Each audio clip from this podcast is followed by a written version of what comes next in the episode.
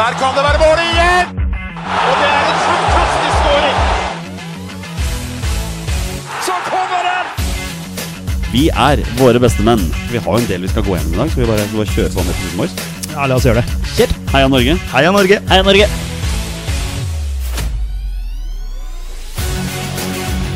Takk, Ole Gunnar Solskjær!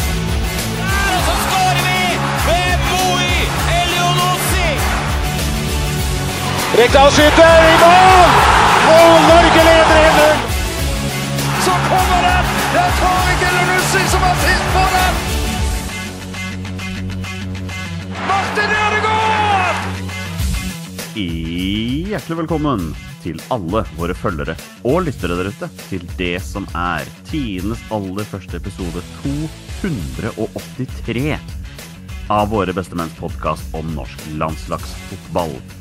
Mitt navn det er Jonny Normann Olsen, og med meg i det virtuelle Bestemenn-studios er hverdagshelten fra Bogerud, Petter Hermansen, Hei, hei, Olsen. og rabagassen fra Raufoss, Torstein Bjørgo. Hallo, gutter! Gutter, vi har en fantastisk episode foran oss. Vi skal få en ny runde med Heit eller Teit med Petter Hermansen. Vi skal gå gjennom samtlige spillere, eh, herrespillere som spiller seniorfotball i det store utland. Vi skal også svare på noen spørsmål fra lyttere, og ikke minst, vi skal avslutte med 20 spørsmål. Men før vi kommer så langt, så må vi eh, bli litt alvorlige, og selvfølgelig litt triste. Eh, jeg skal lese en artikkel som dessverre kom fra fotball.no. Det var med stor sorg og sjokk kollegaer i formiddag mottok beskjeden om at Monir Hamoud er gått bort. Monir jobbet som kretsansvarlig for spilleutvikling i NFS Buskerud. Han døde av hjertestans på Drammen sykehus mandag morgen. Våre tanker går først og fremst til Monirs ektefelle Monica, deres fem barn og nærmeste familie. Det er så uvirkelig å ta inn over seg at en frisk og flott kollega på 39 år har blitt revet bort fra oss så brått. Monir var svært godt likt av alle, og han var opptatt av at fotballen skulle være inkluderende for alle uansett bakgrunn. Vi var flere som var sammen med Monir i helgen, og dette er et sjokk som rammer hele fotballfamilien. Vi er i sorg. Monir vil bli dypt savnet, sier Øyvind Nilsen, daglig leder i NFF Buskerud. Monir var virkelig en god lagspiller med høy faglig kompetanse. Han var opptatt av at alle skulle ha like muligheter, brant for fotballen og var en familieskjær mann.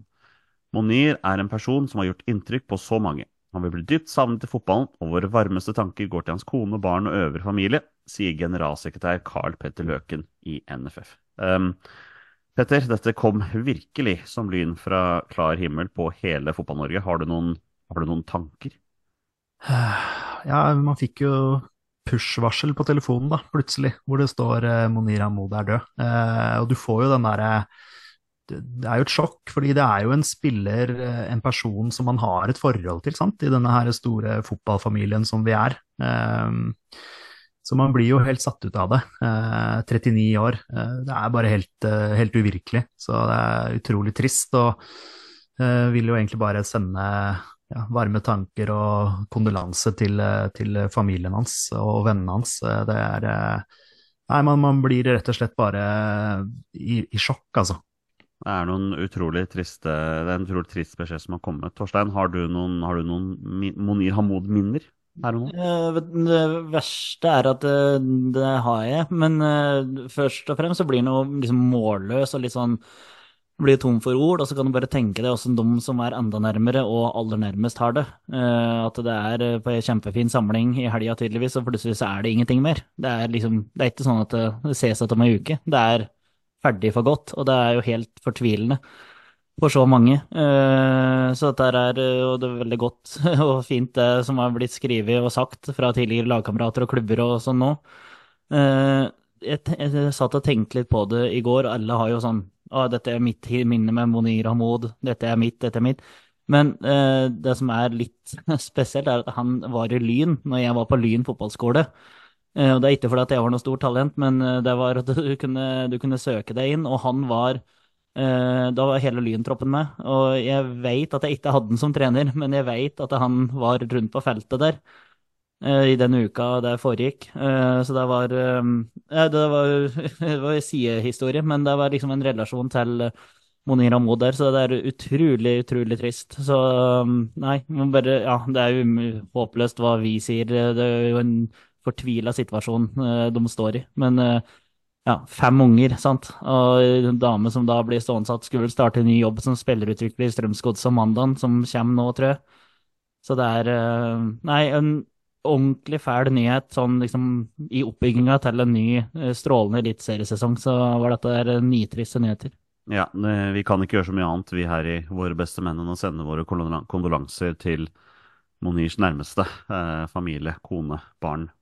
Um, alle sammen håper dere tar vare på hverandre i denne fryktelig triste stunden. Um, men boys, jeg tenker at vi må bare komme oss videre. Vi har, en, eh, vi har på papiret en veldig kul episode foran oss, så Petter, jeg lurer på, skal vi bare kjøre i gang, eller? Ja, la oss gjøre det, Olsen. Kjøre! Men da gjør vi det.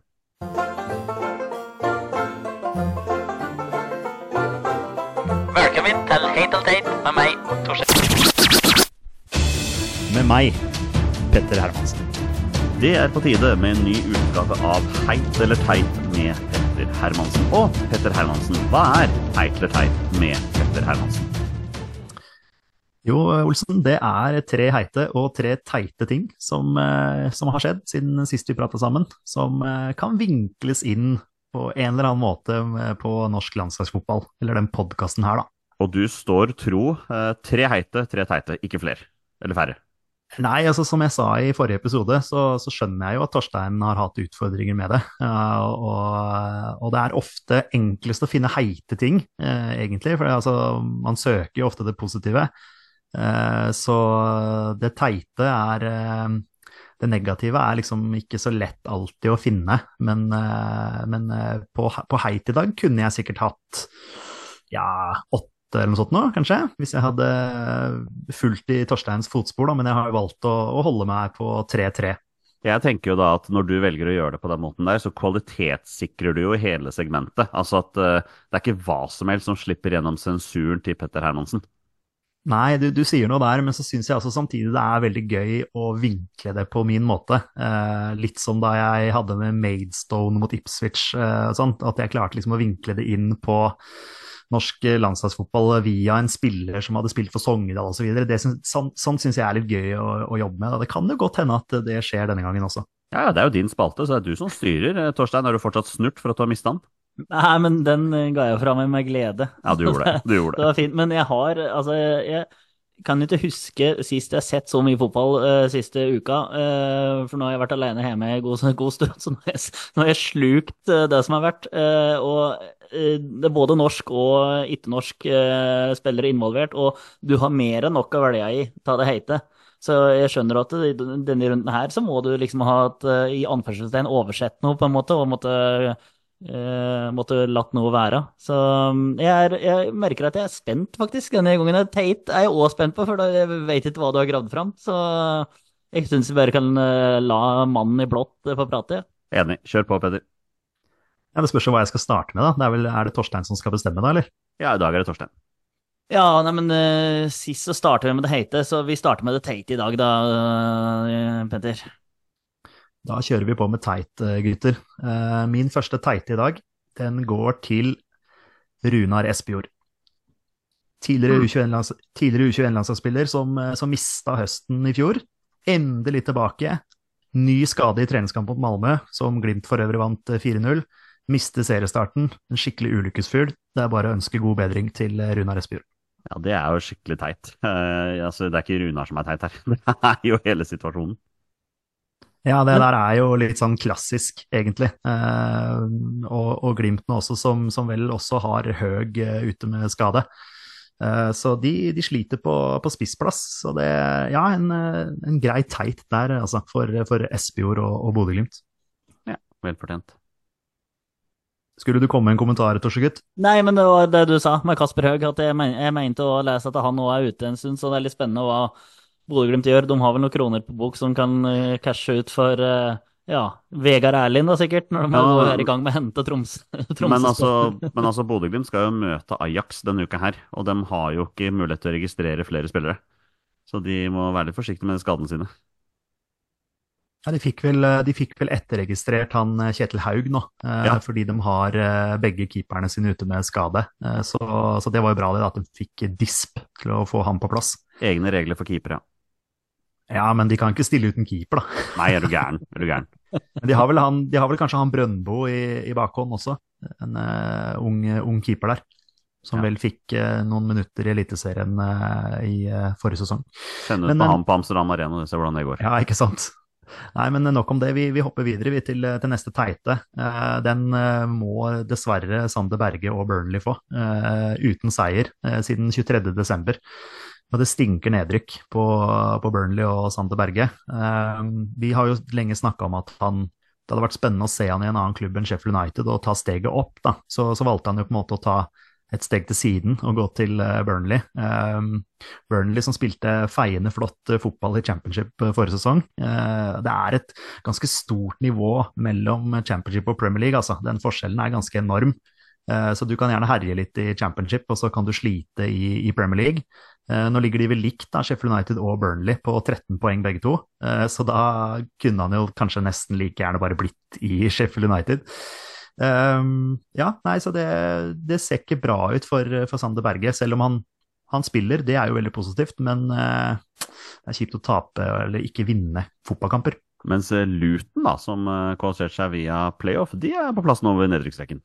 Ja, ikke sant, men der har du jo den der eh, Everton har blitt trukket eh, ti poeng, eller hva Ja, det er for noe sånt, ja. og, og da hadde jo Luton vært eh, under hvis ikke Everton hadde det, og så, ja, det er en annen diskusjon. Men eh, ja, egentlig ganske sterkt av Luton, og de har levert noen resultater, men nå gikk vel de på en smell i helga mot, mot nevnte Sheffield United, faktisk. Torstein, du bryr deg vel ikke så veldig mye om hva som skjer i bunnen av Premier League, men har du noen tanker om at de tre lagene som rykka opp, er på vei ned igjen? Uh, nei, men jeg bryr meg om Luton. Det Ja, jeg bare er tuller med deg. Ja, eh, Luton prøver å få med så mange kamper som mulig, egentlig. Det er en liten sånn softspot som jeg pratet på før, at jeg har rundt i ligasystemet. Eh, det, men det var jo som å spå Flo til fjerde, det, at noen skulle ryke mot Sheffield United etter de banka Brighton 4-0, og så 4-4 borte mot Newcastle. Selvfølgelig. Jeg så på Norsk Tipping, de sto til 1,60 odds hjemme mot Sheffield United. Eh, altså, jeg satte en hundrings på Sheffield United, jeg skal være såpass ærlig skal jeg være. Altså, den, den var egentlig ganske, ganske grei der. Eh, men eh, apropos når vi prater om Sander Berge, da. eh, eh, han, uh, Burnley plukka jo Jeg tror han plukka 100 poeng i championship i fjorårssesongen. Uh, og de spilte jo, som du sier, Petter, feiende flott fotball, og Company sa jo at ja, målet altså Jeg vet ikke hva annet jeg skal si om vi skal ha 100 poeng i Premier League, og selvfølgelig må de si Altså, det er jo ikke sannsynlig i det hele tatt. Men det har jo noe med å ha en plan B der, da. Når du på en måte får flere i ræva gang etter gang etter gang etter gang. Du må kunne endre en viss spillestil, sjøl om den er innprenta. Så er det lov å være litt kynisk eh, etter hvert. Nå var de faktisk ikke langt unna å få med seg poeng fra Anfield i helga, men, eh, men eh, det er Det er jo andre kamper de skal ta poengene sine, og de har ikke vært i nærheten, dessverre. Så de der må det gjøres en saftig jobb. og Jeg leste noen greier her i helga om at det er ingen klubber som har greid seg med den poengsummen Burnley nå har noen gang i Premier League. Så det ligger veldig tynt an. Og så igjen, de ti poengene som Everton har blitt uh, trøkket, de er jo litt uh, altså de kan, Jeg leste òg at de kan få tilbake de ti poengene, på en måte. Så det er jo ingen, er jo ingen sikkerhet her, uh, på noen som helst grad. En, eh, en liten sideteit fra min side her. Um, jeg så jo ikke kampen mellom Luton og Sheffield United, men jeg så høydepunktene. Det fikk meg ikke til å hate VAR mindre, eh, ei eller hens-regelen, eh, for å si det sånn. For det var fars, farse, det. Gud bedre. Ja, det var to eh, straffer som det var, altså, det var helt Men det gikk jo én til hvert lag, da. Eh, så Men det var jo eh, Ja. Det, det er en helt annen diskusjon. Men eh, det ja, var ja, ja. Det, det, Men det var eh, uansett eh, Vi kan ta med VAR som en sideteit. Ja, vi gjør det. Vi kan alltid ta med VAR som en sideteit. Uh, Petter, ta, få ta siste teit, da. Ja, og bedre med, det er bedre i championship, vet du, og Bamford skårte med albuen i helga, så det er jo Bare vent til Post Nordligaen er i gang igjen. Der blir det skåra mål med masse rart. Ja, ja, ja. Du, den siste teite, den må gå til eh, en eh, kar med alders, aldersbestemte landskamper for Norge. Jo Nymo Matland. Speider som da går fra Tromsø til Bodø-Glimt. Enda en sviker, da. Eh, og han har liksom gått ut og fronta seg som Tromsø-supporter, og har til og med navnet sitt i en av de, eller kanskje den største Tromsø-podkasten. Så jeg skjønner at eh, fansen reagerer på, på det her. Eh, nok en gang da, så er Glimt ute og henter og lokker med, lokker med pengene. Det er eh, ja, jeg syns det er litt sånn trist eh, på en måte, og jeg forstår at eh, fansen reagerer på nok en, en, en overgang mellom de rivalene, da. Altså, jeg, jeg har full forståelse for at Bodø-Glimt ser alle muligheter til å forsterke ikke nødvendigvis bare spilletroppen, men også det logistiske rundt. Jeg, jeg, har full forståelse for det. Men det er et eller annet som surrer for meg når du liksom ser sitatene Jon Inno Matland komme i oktober 2023. Sånn av typen først og fremst deilig å få vekk folk som ikke vil være i klubben. Jeg syns det er sinnssykt artig å jobbe i Tromsø, jobbe med mange gode venner, folk som deler med syn på fotball, stoler på den, stoler på meg. Alt mulig sånn. Og så kommer dette her, og så har den vært helt tyst. Så det er liksom og, og det er sånn Jeg føler ikke at Bodø-Glimt gjør seg selv noen tjenester i liksom Fotball-Norge når de liksom vel bokstavelig talt velger å ribbe sin, sin, uh, sin, landsdelsrival, om du kan, kan si det sånn. da. Uh, det er jo allerede noen der ute som har fått Bodø-Glimt litt opp i halsen. Så det, det gjør det jo liksom ikke bedre, vil jeg si. Nei, det er helt sant. Og, og uh, liksom i hvert fall etter den sesongen Tromsø har hatt også. Det er jo da liksom, vi skal ut i europakvalifisering og liksom Men det er disse, det disse penga, da. Altså, Bodø-Glimt kan lokke med enormt mye mer penger enn hva Tromsø har til rådighet, så, så man, må jo, man, må jo, ha forståelse for det. Men i et fotballperspektiv så er det liksom sånn Du, du, du går ikke fra Eh, fra en rival til en annen, liksom. Det er bare sånn Så, så jeg forstår veldig godt supporterne eh, som reagerer, og jeg er jo en supporter selv, så derfor så får han en teit fra meg denne gangen. Men jeg leste òg noen greier, jeg vet ikke om det var ment som humor eh, på Twitter òg, men det var en som skrev at det var uh, Jørgen Vik som hadde funnet alle spillere, at Jon Imund Vatland egentlig ikke hadde gjort en sånn veldig stor jobb allikevel. Så jeg vet ikke helt hvordan jeg skal tolke det, om det er litt sånn for å, for å liksom gjøre den avskjeden der mindre vond for seg sjøl. Eh, men det er jo klart at eh, Gaute Helstrup garantert ville ha med seg han her, og at, han, eh, at de er et veldig godt team. Så det, ja, det ligger nok, det ligger nok noe bak her òg, men jeg elska jo den pressemeldinga fra Tromsø, da. At, det, det, det, det, svaret på spørsmålet ditt om hvem det er som har henta de spillerne, det får vi i, i sommer, når Bodø-Glimt henter tre av de mest talentfulle Oslo-guttene som fins. For det var jo det Jon Inmo Matland var kjent for å gjøre med Tromsø. Ja, det er godt, veldig godt poeng, faktisk. Yes, all right. Skal vi ta noe morsomt med en heite her, da, Peder? Vi går over på det heite. Og jeg starter med vår gamle kjæledegge Erling Braut Haaland. Som eh, rett og slett alene senker Everton. Eh, første skåringa er eh, Ja, City vinner da 2-0 mot Everton, og Braut skårer begge. Første skåringa er Altså, det er Braut. Eh, en skikkelig Braut-skåring med feil fot. Han, eh, han, skyter så hardt med høyrefoten at ballen bare detter ned til han etter en, jeg tror det var etter en corner. Eh, og skyter nesten Pickford inn i mål. Det er så knallhardt. Og det andre målet er jo også en sånn vintage Braut Haaland-skåring, hvor han blir spilt én mot én. altså mot Brantwaite, forsvarsspilleren til Everton, hvor det er en duell mellom de to. og han Branthwaite har fått mye skryt og, og er 21 år gammel. Eh, I den duellen her så det ut som han var 12 år gammel. Eh, han hadde ikke sjans mot Braut. Det er bare det å gå i kroppen på Braut, det må, det må du ikke gjøre. Eh, så han fløy jo nesten ut av stadion der. Og så er jo selvfølgelig Braut iskald alene med, med, keeper. Så det er Braut på sitt, på sitt aller beste. Kampen mellom to lag som begge to sliter litt med financial fair play, Torstein? Ja, de uh, gjør det, uh, begge to. Så den uh, ene har blitt straffa, og den andre har 150, 115 anklager. Men det er jo på en måte skjønt det er litt mer komplisert, for det handler ikke bare om Premier League. Det er vel Europacup i tillegg, som gjør at den saken tar litt lengre tid. Så vi får se hva som kommer fram etter det. Men det er Jeg så, den kampen, sjølsagt. har hatt mer å gjøre denne uka. Men han var ikke så veldig mye involvert, og så detter ballen ned igjen. Og altså, han får altså så fart i den der høyreslegga si. Det minner meg litt om uh, den der skåringa han har mot Er det mot Kypros?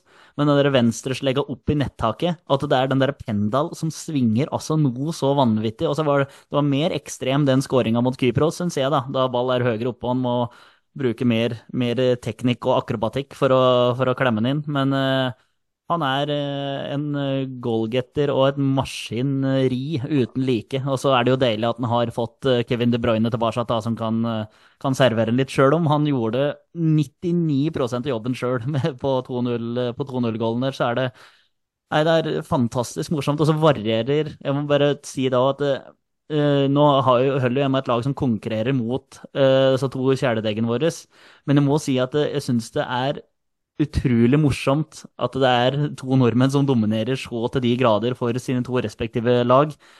Og så er det selvfølgelig irriterende når det går imot uh, ditt eget lag, men det, jeg klarer på en måte ikke å bli uh, irritert uh, lenger enn nøyaktig to sekunder når det, hvis det er de to som er involvert. For det er, det er eh, Ja, du blir eh, stolt nesten til å være, til å være norsk, altså. Eh, og vi har pratet på disse her så mye, og vi kunne hatt flere podkaster utenom, for vi har nevnt dem så mye.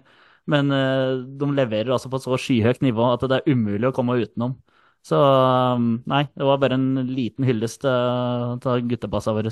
Men den beste spissen i Premier League akkurat nå er tydeligvis dansk og heter Rasmus til fornavn. Merkelig det der. Eh, Petter, har du flere heite?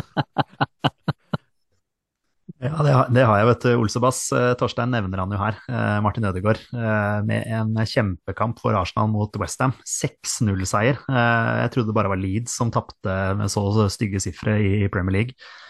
Men nordmannen, altså Martin, er jo da den første spilleren siden 03-04 som fullførte over 100 pasninger. Han hadde 109 pasninger, skapte minst fem sjanser, han skapte syv, og hadde flere målgivende pasninger, to, i samme kamp.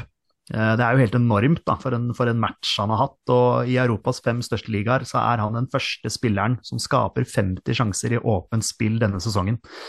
Så han er jo, eh, ja, for en, for en fantastisk spiller, og Torstein sier det jo, ikke sant, at man, man, eh, man blir jo helt sammen. man blir jo stolt eh, og kry når, eh, når, eh, når våre, våre gutter leverer så til de grader borti en av de største ligaene i, i verden.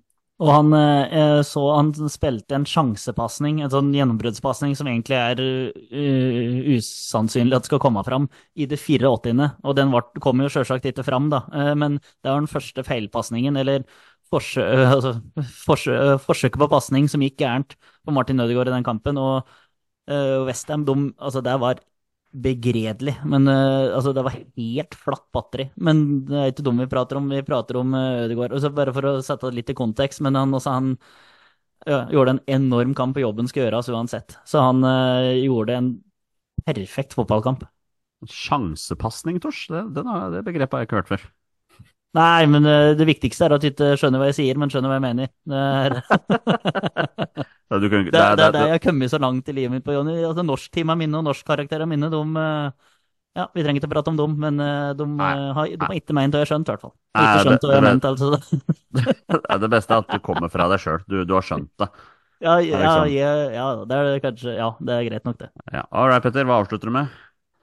Du, jeg avslutter med en som jeg følte måtte bli med denne gangen. Eh, også her måtte jeg jobbe for å finne vinklinga. Eh, og, og heldigvis så traff jeg. Eh, jeg syns jeg traff ganske bra, men eh, jeg skal først bare lese den heite, og så skal, jeg, så skal dere få vinklinga etterpå. Er dere med meg? Ja, ja, kjør på. Den går til eh, Sebastian Haller. Eh, matchvinner for Elfenbenskysten i finalen av Afrikamesterskapet. Uh, og grunnen til at han er med, er jo først og fremst pga. hans historie. Eh, ble jo da rammet av testikkelkreft sommeren 2022, og etter flere operasjoner og runder med cellegift var han tilbake i trening i januar 2023. Og, og nå eh, har han da blitt matchvinner i Afrikamesterskapet for eh, Elfenbenskysten. Det er liksom sånn Det er helt fantastisk. Eh, fuck cancer og alt det der. Og ja, men hvor er egentlig norsk landslagsfotballvinklinga i denne her? Jo, da måtte jeg rote litt i arkivet, da, vet du, for å finne. I 2011, vi skal tilbake til 2011, så spilte Norge i U17-EM-kvalifisering mot Frankrike. Og for Frankrike spilte da Sebastian Haller. Haller, alt ettersom hvordan man sier navnet. Han representerte da Frankrike på U-nivå, eh, før han nå, ganske nylig faktisk, det er bare noen år siden han begynte å representere Elfenbenskysten. Eh, Norge spilte 2-2 i den kampen. Eh, 1-0 til Norge, OI 1-1 Sebastian Aller. 1-2 eh, Getan Laborde. 2-2 Ivar Furu. Eh, så der har du vinklinga. Han har jo da selvfølgelig spilt mot Norge. Det er jo da vinklinga som gjorde at jeg var bare nødt til å få med han i eh, en hyllest eh, denne, denne runden. Og jeg regner med at dere sitter der spente nå og venter på Norges lag i den kampen, og det skal dere selvfølgelig få. Å, deilig. Eh, Øystein Øvretveit, Kristoffer Haraldseid, Thomas Grøgaard, Ivar Furu, Marius Høybråten, Kristoffer Haugen, Martin Rønning Ovenstad, Ole Selnes, Kjetil Kalve, Kamer Kaka og Oi Omoianfo. På benken satt Fredrik Levorstad, Lars Kallevik, Anders Gundersen, Magnus Mohus, Fredrik Deilkås og legenden Shoresh Amadi. Ja, to tidligere Skeid-spillere der, altså. Ja, ja, ja. ja. Uh, ja, nei, så der, der har du jo en sånn uh, Med tanke på vinkling, da, som jeg uh, måtte rote litt i arkivet. Men eh, ja, hva, hva, hva syns dere, gutter? Jeg tenker at dette var det endelige beviset på at du kan vinkle absolutt hva som helst i denne spalten inn på norsk landslagsfotball på en eller annen måte. Altså, jeg kan gi deg et tema. Jeg kan si til neste gang Donald Trump, heit eller teit, og så skal jeg se om du klarer å vinkle inn til norsk landslagsfotball på en eller annen måte. Ja, kanskje det er det vi må starte med? At jeg får sånne, at jeg får sånne opp en oppgaver? utfordring. Ja, få en utfordring.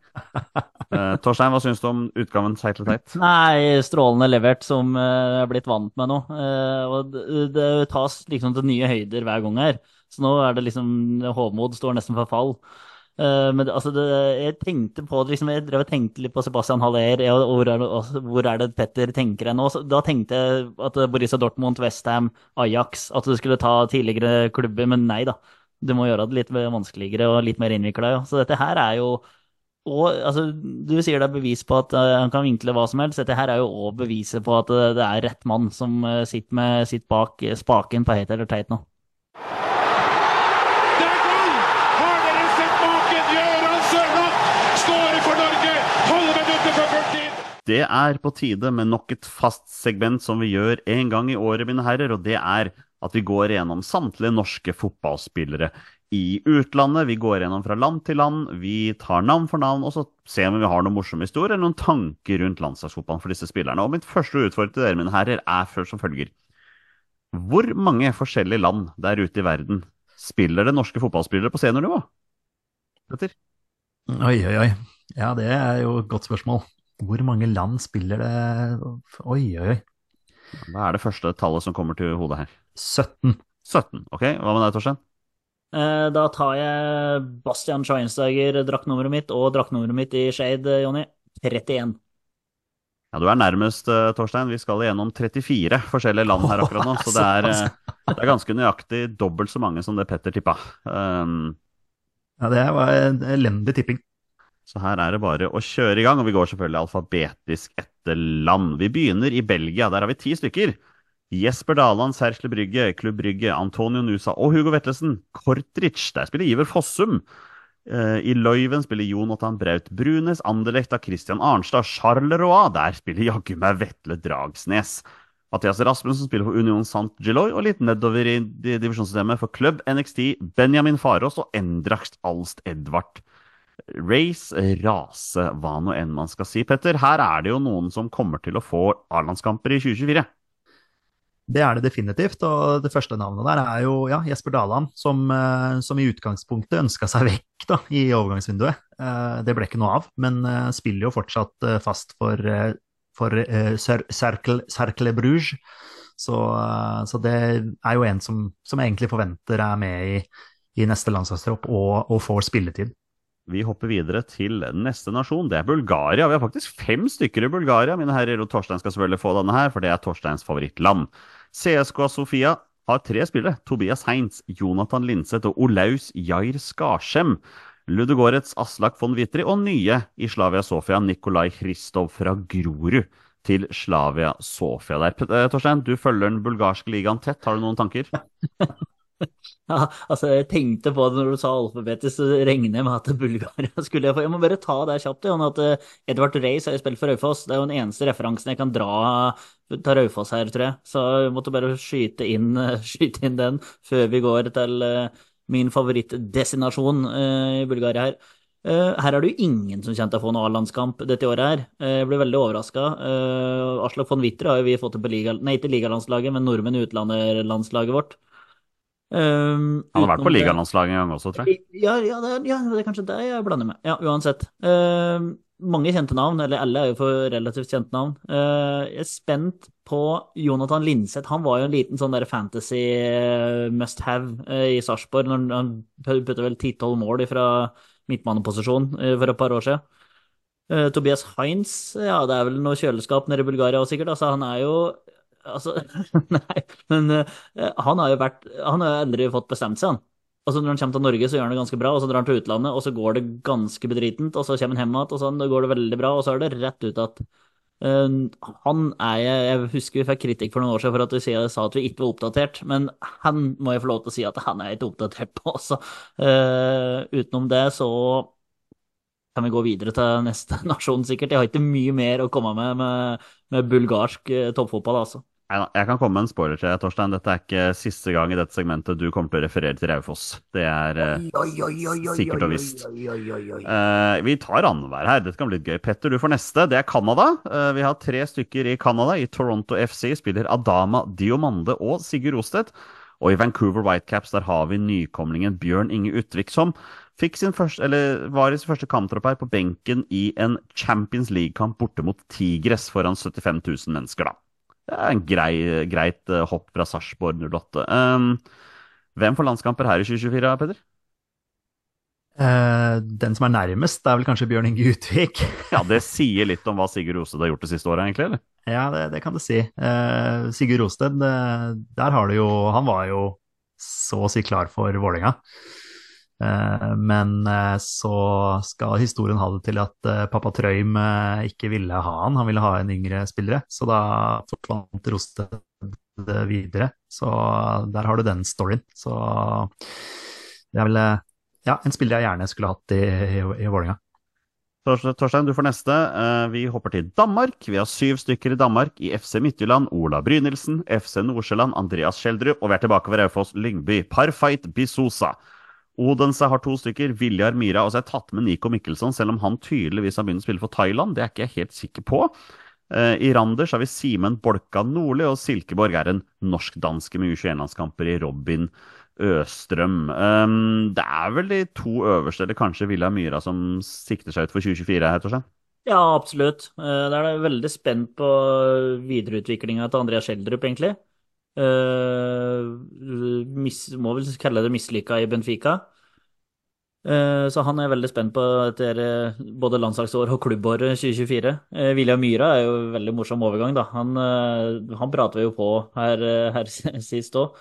Simen Bol Bolkan Nordli gjorde det veldig bra for Ålesund, i likhet med Parfait Besosa. Uh, så, men Robin Østrøm, det er et navn eh, jeg må helt ærlig si at den kom uh, den, Han har ikke jeg hørt om før, eh, så den er nå grei. Ja, Han har jo 21-landskamp for Norge, i hvert fall. Eh, Men Ja. hvis du skal velge deg ut én her, da, som er sikra A-landskamper i 2024 Eh, Jeg vil ikke si at noen er sikra, det vil jeg ikke si. Men eh, kanskje jeg skal ta min lille Ola Brynildsen, da. Min, Ja. min gode venn Ola Brynildsen. Din gode venn, og du er glad i ham. Petter, du får neste. Vi skal til England. Ni stykker her. Martin Ødegaard Arsenal, Kristoffer Ayer Brentford, Sander Berge Burnley, Erling Braut Haaland Manchester City, Oscar Bob Manchester City, Sondre Tronstad Blackburn, Kristoffer Classon, Leeds, Sunderland har Leo Fur Gjelde, og Wiggen har Telo Aasgaard. Altså her er det jo, ja, jeg ser i hvert fall fem stykker her som er sikre A-landskamper i 2024, Peder. Ja, det er vel ikke så mye mer å si enn det, egentlig. Der har vi jo noen av våre beste menn eh, i England. Så, så er det noen eh, dark horses eh, lenger nede på lista her. Så ja, det er ikke så mye mer å si. Sondre Tronstad kommer til å bli stående med den ene nødlandskampen som han var veldig god i. Ja, han var god her for, eh, for Blackburn mot Wrexham også i FA-cupen.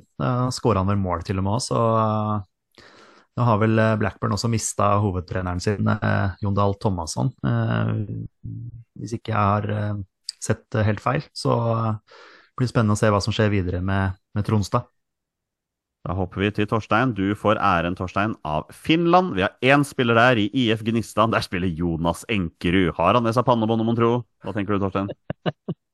Ja, Jonas Enkerud, ja, det, det er jo en artig Han gikk dit, vi vet noe, ut av kontrakt. Han ble takka av når jeg var på Hamar og så på HamKam Vålerenga. Da ble jo Jonas Enkerud takka av med blant, med blant flere. Hvem var det flere det var, da? Det, det var han der Melgalvis, blant annet. Eh, Men at han gikk til IF Gnistan Jeg tenkte at han skulle til Ridabu, da. Altså en lokal klubb på Hamar som satser ganske tungt. Eh, Men han skulle ha et lite, lite eventyr i de finske skoger. Så nei, morsomt. Eh, Han får nok ingen A-landskamp for, eh, for Norge.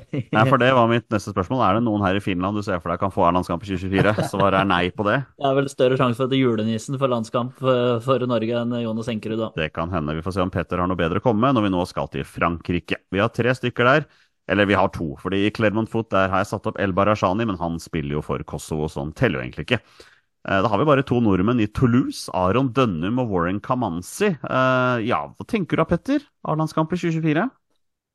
Ja, jeg er jo svak for eh, Dønnum, da. Og han eh, spilte jo sist da vi møtte Skottland, og skåra mål òg. Så han er nok en som er eh, ganske høyt oppe på, på blokka til, til Ståle. Så jeg forventer at han er med, er med framover også i, i 2024, ja.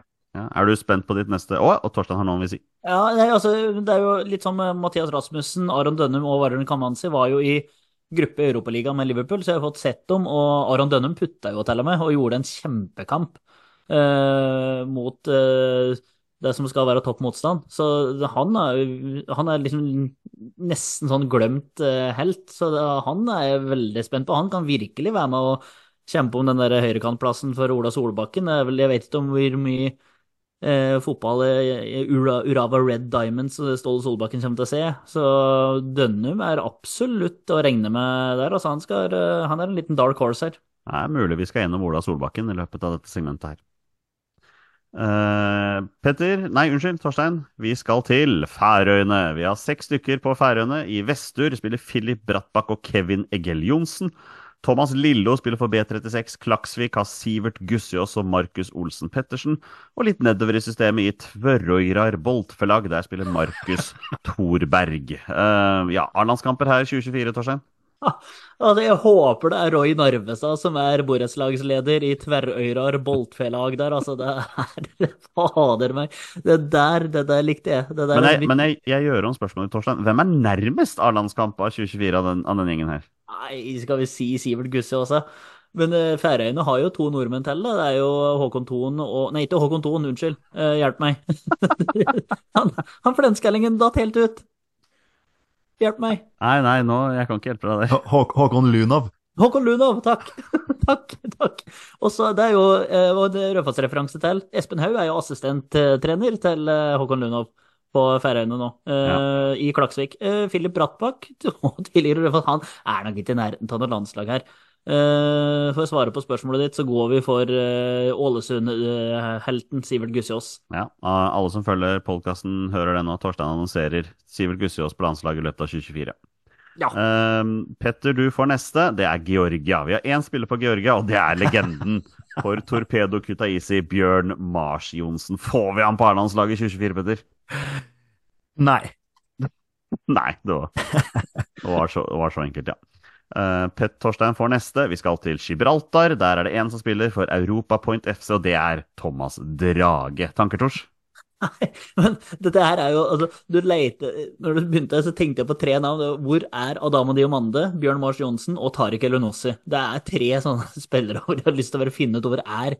Eh, Thomas Drage det var jo et, han var i hvert fall intervjua her. Jeg husker ikke helt hvor jeg så det. Jo, det var seg, Eh. det var et segment på TV2-sporten, ja.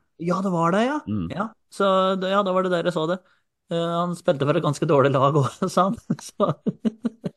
Ja, men det var ja, morsomt. Eh, ingen A-landskamp. Eh, han får eh, nøye seg med den ene han har. Ja, eh, Vi hopper videre til eh, Petter, som får Hellas. Vi har én på Hellas. Paok Saloniki, Ivan Tarek Nesberg, Petter. Ja, Vålerenga-gutt. Eh, blir ikke noe landskamper på han, dessverre. Nei, vi går rett videre til Torsteins neste. Det er Hongkong. Vi har én spiller i Hongkong for Sham Shui Po. Der spiller Samuel Nar. Eh, Torstein, tanker? Ja. Eh, mer, eh, mer spørsmål tilbake at hvem, hvem er dette? Det er lov å si det, syns jeg. Altså, Det er er det sånn der Fifa-regent du har funnet? Sånn Jeg tror det er en ekte spiller, Speideren din har vært i Norge og funnet Samuel Narr. Nei, jeg tror det er en ekte spiller, ja. Altså, han der skal jeg google når vi er ferdig, og finne Ja. ut om du bare kødder med meg, eller om uh, dette er noe, er noe greier. Men Ivan Nesberg, da, Petter, er der Altså, hvordan, har Vet du noe der? Altså, Vålerenga-retur? Nei, jeg tror ikke det er aktuelt nå som Vålerenga spiller i Obos-ligaen, i hvert fall. Men, eh, men at han kan komme tilbake til Vålerenga en gang, det tror jeg nok. Mm. Mm. Ja, nei, men da kjør videre, du, Jonny. Nå er vi ferdig i Hongkong. Du hadde ikke noe mer på Samuel Nahr der, altså? Ikke ennå, men til neste episode det hjemme, så kanskje jeg har utfyllende info om Samuel Nahr. Ja, jeg gleder meg allerede. Uh, Petter, du får neste. Vi skal til Indonesia. Vi har én spiller i Indonesia for Persik. Der spiller Simen Lyngbø. Uh, ja, hva syns du? Eh, er han fra Lyngbø, eller? Jeg har ikke peiling. Nei. Jeg vet- jeg tror jeg veit mer om Samuel Nahr, og det sier litt, for jeg veit ingenting om Samuel Nahr Nei. i, i Hongkong. Jeg tror bare Eh. vi skal vi, vi, Altså, nå får jo folk en, en, en mention her, da, kan du si. Så Ja. det, er jo, det holder jo bare det. Så jeg vet jo selvfølgelig ingenting om denne spilleren eller laget. Nei, Men du lurer jo litt på valga. Altså, på en måte, hvorfor Hongkong? Eh, Hvorfor Indonesia på Simen Lyngbø, på en måte? Altså, hva er Er det studier? Er det kjæreste? Altså, hva er eh, Jeg har lyst, lyst til å vite mer, på en måte, sjøl om det er sikkert bare vi, tre som hører og prater i denne episoden her, som har lyst til det. Så Vi får, vi, får prøve, vi får prøve å få han i tale i podkasten vår en gang. Ja, det er moro. Eh, Tors, det er deg på neste, er det ikke det? Ja. Jo, det stemmer. Torstein, du får Island. Vi har bare to stykker på Island. For Prottur, der spiller Jørgen Pettersen. Og på Grotta, der spiller Eirik Solheim Brennhaugen. Han høres ut som han er fra Raufoss. Ja, det, det, jeg vet det er en som driver og krangler seg litt inn i A-lagstroppen, som heter Jørgen Pettersen òg, faktisk. Men uh, han fra Grotta, det er uh, Ja, det kunne vært mellom Raufoss og Gjøvik en stand, det. Ja, Hvem av disse er nærmest A-landslaget, Torstein? Nei, er det vi skal si her? da? prøver å Nei, jeg klarer ikke å finne på noe morsomt til. Så Nei. da stein, saks, papir, og så vinner Eirik Solheim med Brennhaugen, faktisk. All right, gratulerer til Brennhaugen. Uh, Petter, du får Italia. Der har vi ganske mange. Vi har ni stykker der. I Genoa to stykker. Emil Bohinen og Morten Thorsby. Napoli, Leo Schiri Østegård. Sassuolo har tre stykker. Emil Konradsen Seid, Christian Thorstvedt og Markus Holmgren Pedersen. I Sampdoria, Kristoffer Askelsen. Litt lenger nede, Cremonese, Dennis Tørseth Johnsen. Og i ProSesto 1913, Julian Kristoffersen. Her er det mange som får A-landskamp i 2024, Petter. Her er det mange som snuser på, på landslagsfotball, ja, uten tvil. Og en annen som, som faktisk spiller landslagsfotball. eh, Jeg må innrømme at jeg brukte Google-maskinen litt her nå, Olsen, og, og søkte opp denne Simen Lyngbø. Han spiller jo faktisk for Filippinene. Han gjør det, ja? Ja, så Ja, det det må jeg bare, bare si at han representerer Han er født i Bærum. Jeg måtte bare sjekke, fordi jeg har jo familie på Lyngbø, sant? så jeg måtte bare sjekke om han var derfra. så det Så- kunne hende, men ja. Så han heter Lyngbø til etternavn, men er fra Bærum. ja, tydeligvis. Men eh, han representerer da Filippinene, så uh, har til og med faktisk spilt for et lag som heter United City. Det syns jo du og jeg er litt morsomt, Olsen. Det er en segment for deg og meg, det. Um, Torstein, bare litt innom deg her. Dennis Tørseth Johnsen, da. Krebonese har A-landskamp for Norge. Ja, han har vel assist òg, uh, Ja, det har han også. når han banker inn uh, 2-0 der. Um, ja, eh, det, har, det ble merkelig stille. Eh, det var liksom en hype i tre-fire måneder der, og så var det veldig stille. Så jeg, jeg tror nok ikke han er inne og snuser på noen landslagsplass, egentlig. Da skal det vel være nesten krise igjen. Eh, litt sånn eh, Leo Schiri Østegård òg. Jeg har tatt han på flashscore her. ja, når jeg gjorde det. Ja, Jeg, jeg, jeg, Jeg gjorde det tidligere i dag, faktisk, for å være helt ærlig. Og det er varierende minutter han får i Napoli. eh, et Napoli-lag som uh, har kvitta seg med treneren og fått inn Walter Massarri, en eh, gammel uh, helt. Uh, eller helt, det er vel for så vidt ganske relativt. Men de ligger nummer ni i Serie A nå. gjør det ganske svakt ut fra forutsetninga, og han, altså, han hadde 90 minutter her, jeg husker ikke hvem det var mot, og så satt han på benken runden etter hjemme mot Verona. Og så kom han innpå mot Milan nå når de tapte 1-0. Så det er eh, varierende minutter der. Så det er litt sånn å ha det i bakhuet når eh, landslaget skal Når det blir aktuelt å prate om eh, kamper igjen. Andre gutta her, Askildsen, har ikke hørt noe særlig fra siden nødlandslags, nødlandslagskampen. Konradsen Seid trodde kanskje han skulle flytte på seg i januar. Eh, de andre her er jo kjente navn som er med og kjemper om en landslagsplass. Noen er klinke, og andre ligger litt i, litt i vannskarpa her.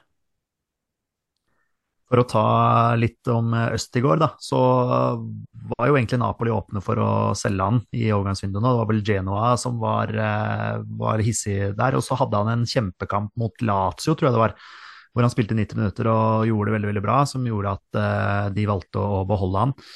Eh, det som skjedde nå mot Milan, var det at han ble bytta ut i pausen. Han uh, spilte første omgangen, men de skulle legge om til en trebackslinje, tror jeg det var et eller annet sånt nå, som gjorde at han ble, han ble ofra. Det er litt sånn typisk at det er han som blir ofra, i hvert fall med oss uh, med landslagsbrillene på.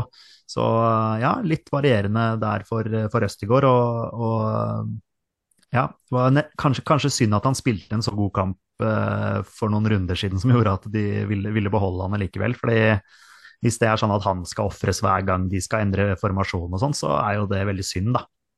Vi hopper videre til neste nasjon. Torstein, du får æren av en tur til Japan. Vi har bare to stykker der, da, i Urawa Red Diamonds. Marius Høybråten og Ola Solbakken. Og er det Ola Solbakken som er nærmest landslaget, Torstein?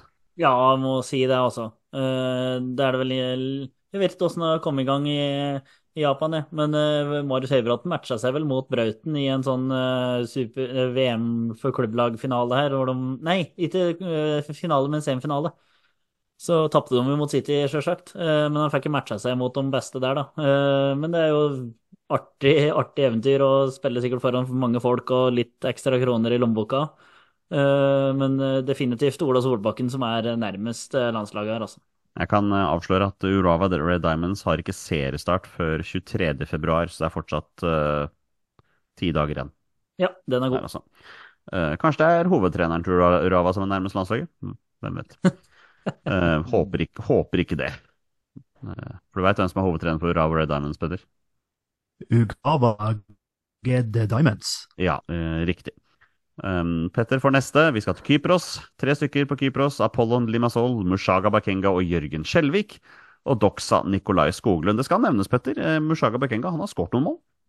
Ja, jeg så det her forleden dag. Jeg så han hadde Det var faktisk faren min. Jeg hadde en telefonsamtale med faren min, og så lurte han på hvor det hadde blitt av Mushaga Bakenga. Da kunne jeg fortelle han det at da hadde han spilt to kamper og skåret et mål faktisk for Limasol, Apollon Limassol. Så ja, han, han er jo en måltyv, han. Så det er en, uh, absolutt en god, en god, spiller. Og så har vi jo Jørgen Skjelvik der. Det var vel ikke så veldig lenge siden vi hadde han på, på 20 spørsmål. Seks kamper og, og to mål for, um, for Mushaga Bakenga for Apollon Limassol. 21-åringen eh, Nikolai Skoglund har 13 kamper for Doxa i år etter overgangen fra U23-laget til Sporting Lisboa. Eller Sporting heter det vel bare. Sporting Club de Portugal. Vil ikke ha noen på nakken der. Eh, Torstein, du får neste. Vi skal til Litauen. Vi har bare én spiller på Litauen. For Kaunos Algris, Skeid-legenden Kristoffer Hoven. Ja, han uh, så jeg vel i sommer, når de uh, møtte Sogndal. Da spilte Kristoffer Hoven på topp. vanskelig kamp for Hoven da, gitt. Møtte det som da for meg var den soleklare opprykksfavoritten i Obos. Altså, de var utrolig gode mot, eh, mot Skeid den matchen. Uh, han er jo ikke i nærheten av noe landslag, men en god, eller grei Obos-spiss. der vil jeg si nivået til Kristoffer Hoven her. Han spilte jo hele høsten for Varbergs i Allsvenskan, men nå har han da dratt til Litauen. Petter, over til deg. Vi skal til Nord-Makedonia. Vi har to stykker der. Dvs. Si vi har egentlig bare én. For Skendia der er Kamer Kaka, men han spiller for Albania. Mens for Scoopy har hentet Emanuel Grønner fra Sogndal. Uh, umiddelbare tanker hos Petter her? Eh, Nord-Makedonia tenker jeg å være på Alioski. Det er det eneste jeg tenker på. Det er det, det du er... gjør hver gang vi skal gjennom det landet. Ja. Det er min umiddelbare tanke om Nord-Makedonia. Fint, da går vi videre til eh, Torsteins neste. Det er Nederland. Hold på hatten, mine herrer. 21 stykker spiller i Nederland. Sivert Mannsverk Ajax, Cornelius Nordmann Hansen, Almer City, David Møller Wolfe, Aset Alkmaar, Mathias Kjøle, FC Tvente, Oliver Edvardsen, Go Ahead Eagles, ikke Oga Head Eagles, Daniel Karlsbakk og Osame Sarawi, Herenfen, sammen med Oliver Braude, Fredrik Oppegård, Herakles, Lars Olden Larsen, NEC Nijmegen, Joshua Kitolano, Tobias Lauritzen, Sparta Rotterdam, Daniel Granli, Ado Den Haag, Sturla Ottesen, SC Kambur, Gråningen i divisjonen. I første divisjon Johan Hove, Christian Lien og Isak Mette. Håkon Lorentzen for Helmond Sport, Nakkbreda Sigurd Haugen og Fredrik Oldrup Jensen. Og i bunnlaget i første divisjon, Topp Ås, der spiller Abel Stensrud. Hva tenker du, Tors? Her var det utrolig mye å plukke i. Jeg tenker jo, og det er det første jeg tenker, og andre tenker, er jo at dette er Øy Stabæk. Og altså, skal vi se, Stule Ottesen, Daniel Granli, eh, Oliver Edvardsen og Mathias Kjøle er vel eh, Og Cornelius Normann Hansen, det er jo nummer fem. Eh, Det er sikkert flere her som har vært innom Stabæk, eller? Jeg lurer på om Oliver Braude også har en liten Ja, fortid i Stabæk, ja, ikke sant. faktisk. Ja, og finner sikkert en eller annen annen link her òg.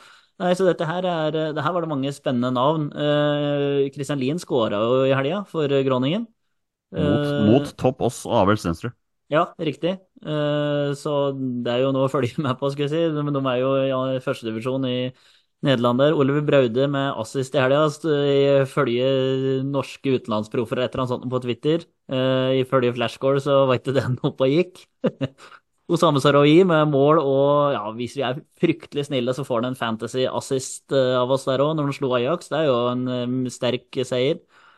Eh, David Møller Wolfe er jo egentlig min mann. Eh, han har jeg veldig, veldig trua på. Eh, han kan virkelig være med faktisk og kjempe om den venstreback-plassen med, med Birger Meling der, vil jeg tro, altså. Vi har jo flere kandidater på venstrebacken der, men han er en å følge med på. Han har jo fått, fått debuten sin nå, så Ståle har han, har han på radaren.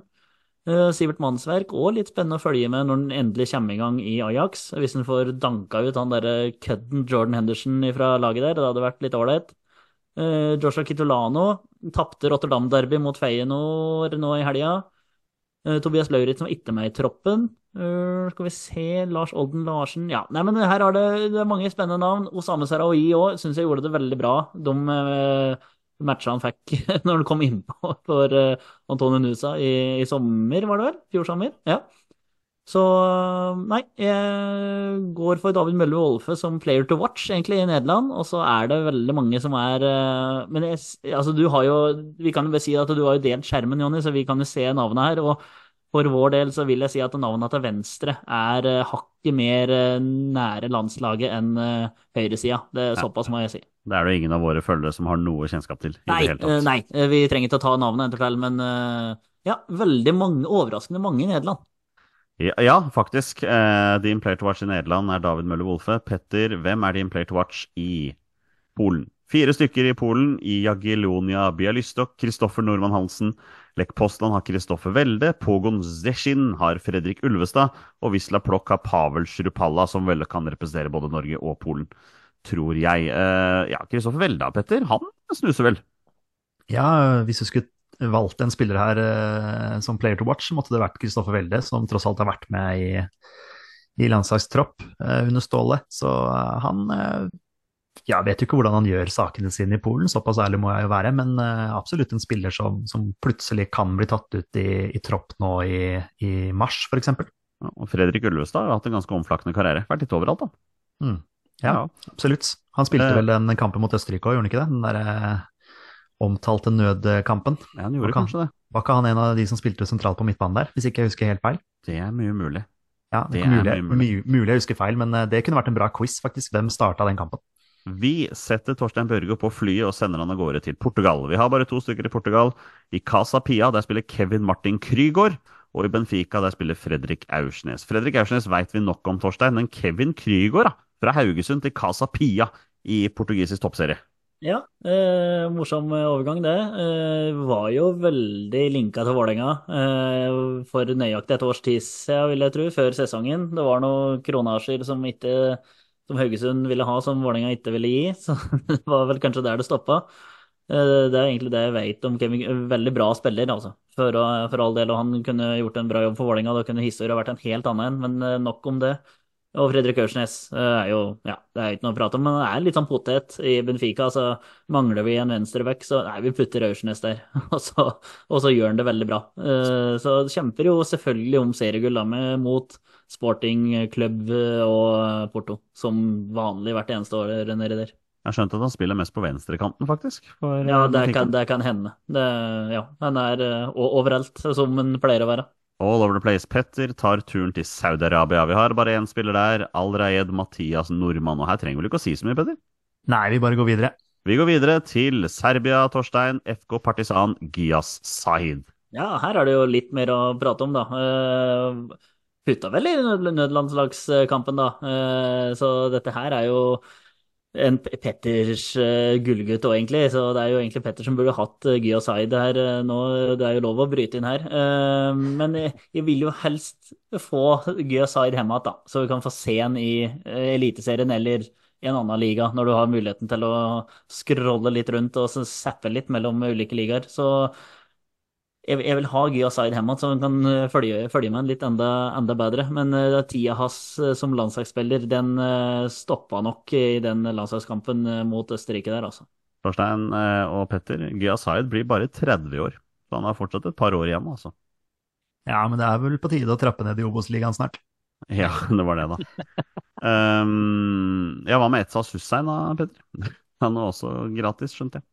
Ja, han er på free. Jeg ser det er en eller annen på Twitter som er veldig gira på at han skal, eh, at Vålerenga skal hente han på og ta han med på trening og sånne ting. Så, men eh, ja, nei, jeg, jeg, tror ikke, jeg tror ikke han hadde gjort seg bort i Obos-ligaen. Det tror jeg ikke. Nei.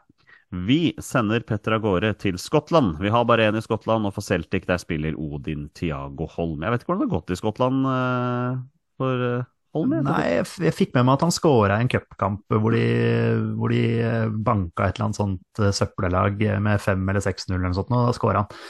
Men eh, nei, jeg har ikke fulgt noe tett med. Det, Fikk- det, det, det har jeg ikke. Fikk han ikke rødt kort i en Champions League-kamp òg? Jo, det, han fikk også det. det Ja, Torstein? Ja, da var det to stykker som fikk rødt kort, og han var den andre som fikk, eh, ble utvist der.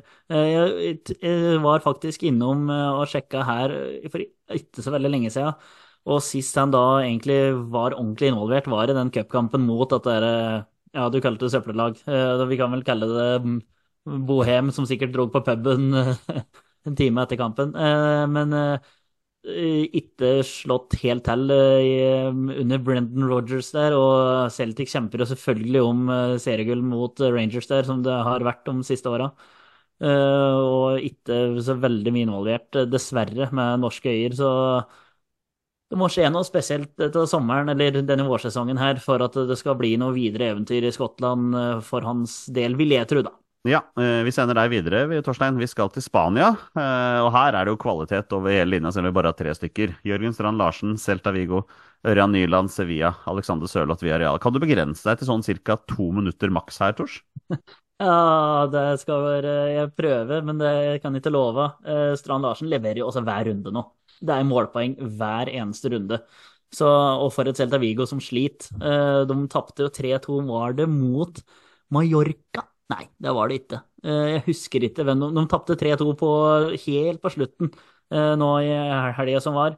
Dessverre for Celta Vigo. Eh, Kjemper med nebb og klør for å unngå nedrykk, som de har gjort de siste siste åra. Og det er jo da Liverpool-legenden Jago Aspas som er kaptein og drar i, i strengen der. Så han er òg en veldig fin rekkekamerat å ha. Men Strand Larsen leverer ja, hver runde. En kjempespiller og får vel MVP på MVP eh, i, etter hver eh, Celta Vigo-match. Ørjan Nyland kunne jo faktisk vært med på Hate eh, denne runden her. Altså, han kjempa seg tilbake. han var på lista, for å si det sånn. Ja. Men eh, ja, han ble, Nei, nei, altså, ingen- han, ble, han, ble skjøvet, han ble skjøvet litt ut, men ja, en sterk match av han mot uh, Atletico Madrid der, hvor han, hvor han holder nullen og Sevilla vinner 1-0. Ja, og en kjempeviktig seier for Sevilla. Så ja, som Petter har sagt tidligere, kjempe se tilbake i, i mellom stenga der. Eh, Blitt eh, virkelig vist hvem som er eh, keeperkjempen i, i Sevilla. Alexander Sørloth nevner vi jo annenhver episode her. Gjorde jo den nevnte kjempekampen mot Barcelona, og så var det rett i, i ja, rett i den andre enden ved helga etter mot Cádiz. Så dette er tre gutter som garantert kommer til å være involvert i landslagsåret 2024. Greide to minutter Jonny?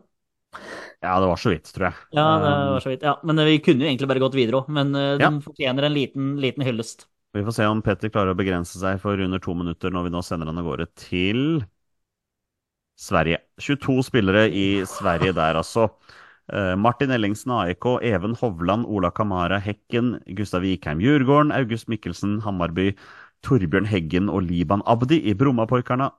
IFK Göteborg, Anders Tronsen, Emin Markovic, Daniel Eid, IFK Norrköping, Lars Sætra, Kalmar, Malmö har tre stykker. Erik Botheim, Oliver Berge og Lasse Berg Johnsen. Der er Raufoss tilbake. Colin Røsler for Mjelby, Thomas Rogne for Helsingborg, Eirik Asante Gaji for Brage. Østersund, Kevin Jablinski, Mansour Sinjan og Kristian Novak. Eskilstuna har Gustav Severinsen, og Norby har Markus Victorio. Hei hvor det går i Sverige, Petter.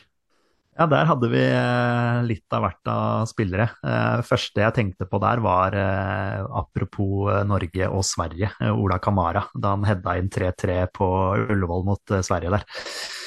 Da vi vel leda 2-0, og så lå vi under 3-2, og så sendte vi alle mann i angrep på en corner, og så hedda Ola Kamara inn 3-3. Eh, Ja, nei, det var første, min første tanke der. Og eh, også, også Liban Abdi var jo en sånn spiller som veldig, veldig mange eh, holdt på å si skulle prate inn på A-landslaget en periode, hvis dere husker den tiden der, hvor han eh, Lurer på om han spilte i Portugal eller et eller annet sånt nå, kan det stemme? Ja, han spilte vel Eh, overalt, han. Ja, og, han var, eh, var ikke måte på hvor god han skulle være og skulle spille for Norge, så det, det gikk vel ikke helt sånn. Min første tanke er hva i all verden skjedde med August Mikkelsen? Han var så god i Tromsø, så bare forsvant han i Hamarby. Eh, men det er klart, eh, Torstein. Lasse Berg Johnsen i Malmö der. Er det bitte litt av dark horse til landslaget, eller? Ja, var, han var jo virkelig i en kjempeperiode når han eh, forlot Raufoss. Og i Randers så fikk han et lite europaeventyr der òg. Kjempespiller. Og vil jo si at tatt noe Altså, det er jo noen trinn her. Og Malmö er en kjempeklubb, selvfølgelig, som eh, mange, mange vet. Så dette her skal bli veldig spennende å følge den der midtmannen midtbanen til Malmö FF, da, med Lasse Berg Johnsen og Oliver Berg, som er en litt mer framskutt eh, rolle der. Eh, endelig kommet litt bedre i gang Oliver Berg òg i Malmö FF. Det var en veldig omdiskutert overgang der, da. Eh, og så har vi jo da Erik Botheim. Altså den Jeg så det der intervjuet når han prøvde seg på svensk. Eh, det var Det var litt sånn gangstersvensk, og det passer Jeg, syns jo det klær både Botheim og Malmö FF, og litt sånn Zlatan-vibber og litt sånn over, over hele, hele greia der. Så dette her, Malmö FF, det er litt det er en liten sånn eh, det, Nå skal vi følge litt med i år, eh, gutter. Kevin Jablinski gikk vel til Nå må du hjelpe meg, Jonny, men jeg tror han gikk til Egersund for å rykke opp, og så gikk det ganske skeis. Er det riktig? Ja, det er godt mulig. Jeg bare Ja, husker han do- for de satsa noe voldsomt, og så gikk det ganske gærent. Og nå er de jo rykka opp, da, men eh, jeg lurer på om det var Egersund, altså. Uten Jeg mener han skårte mot Skeid på Nordre Åsen når du var vakt, ja. I kamp mellom Skeid og Raufoss. Det kan, eh, det kan hende. Det får vi ta oss og google, google senere. Men eh, ja, det er noen eh, navn i Malmö FF som jeg har lyst til å følge litt med på. Og så, ja, apropos slokna Øyges Mikkelsen, Gustav Vikheim. Altså, det er jo det har stoppa ganske greit opp. Og Ja. Anders Tronsen, spennende å få om han får kvitt eh, nedskaden sin og fått en god sesong for Göteborg. Så ja, noen navn å følge med her, og så føler jeg nesten at jeg tar over landet til Petter nå, så nå skal jeg, nå skal jeg tie helt stille. Ja da, men nå får vi komme tilbake til deg. Nå skal du få under to. Nå skal du få under to minutter når vi nå sender av gårde til Thailand. Fire stykker i. Thailand. Nakom Paton, der spiller Atit Berg. Kussoms United, Håvard Dahl på Bangkok FC. Washiravut, Pudipip og Udon United, Kittipong Plumai. Vi går videre, vi. Vi går videre. Eh, Håvard Dahl, da. Liten shout-up. Det er Customs United for øvrig, ikke Kusoms. Jeg skrev feil der. Um, Petter, vi skal til Tsjekkia. Fem stykker her for Slavia Praha. Sheriff Sinjan, Konrad Wallem og Christos Safaris. Eh, byrival Sparta Praha har Markus Solbakken og Andreas Vindheim. Første tanker, Petter? Ja, det er Praha som er the place to be når man skal spille fotball i Tsjekkia, tydeligvis. Eh, ja, nei, det er jo Safaris er jo en spiller som eh, Ja, han kan vel representere andre enn Norge også. Kan vel både kan vel spille for Hellas og et land til, hvis ikke jeg husker det helt feil nå. Ja, var ikke det keeper også? Jo, det var sikkert det, ja. Eh, men også en spiller som, eh, som, eh, som jeg, jeg leser om, og som er en sånn spiller som, som naturlig tar nivåene hele tiden. Altså, uansett hvor han går. Eh, om han så spilte i Grorud, om han så spilte i Haugesund, eller altså Han, bare, han er sånn naturlig og tar nivåene ganske kjapt, da. Så det kan jo være absolutt en spiller som, som vi får se for, for Norge, med mindre da han, han havner i, på et annet landslag. Det er godt mulig. Torstein, du tar turen til Tyrkia. Vi har seks stykker i Tyrkia, antall, eller vi har fem. Antalyaspor, Symer Butichi, Kosovo, eh, så han er ikke, egentlig ikke med. Jonas Svensson er besikta, Joshua King er i Fenebakke. Fredrik Mitsjø er i Pendikspor. Harolin Sjala spiller også for Kosovo, så han skulle egentlig vært ute her. Spiller for Ertsurumspor. Men Manisa i tyrkisk førstedivisjon, der spiller Mohammed Ofkir. Hva tenker du, Torstein? Eh, Jeg syns jo egentlig det mest spennende her er Joshua King, om han er ferdig på landslaget. Eh, Vi, eh, har jo Vi kunne nesten fått oss den påstander-segmentet som vi hadde, hadde der, og så kunne det vært en påstand, at Joshua King er ferdig. Så det blir, det, Han blir spennende å følge med. Fredrik Mitsche har vel sagt sjøl at han har gitt seg, og det er vel for the greater good, egentlig. og Har aldri spilt en god landskamp.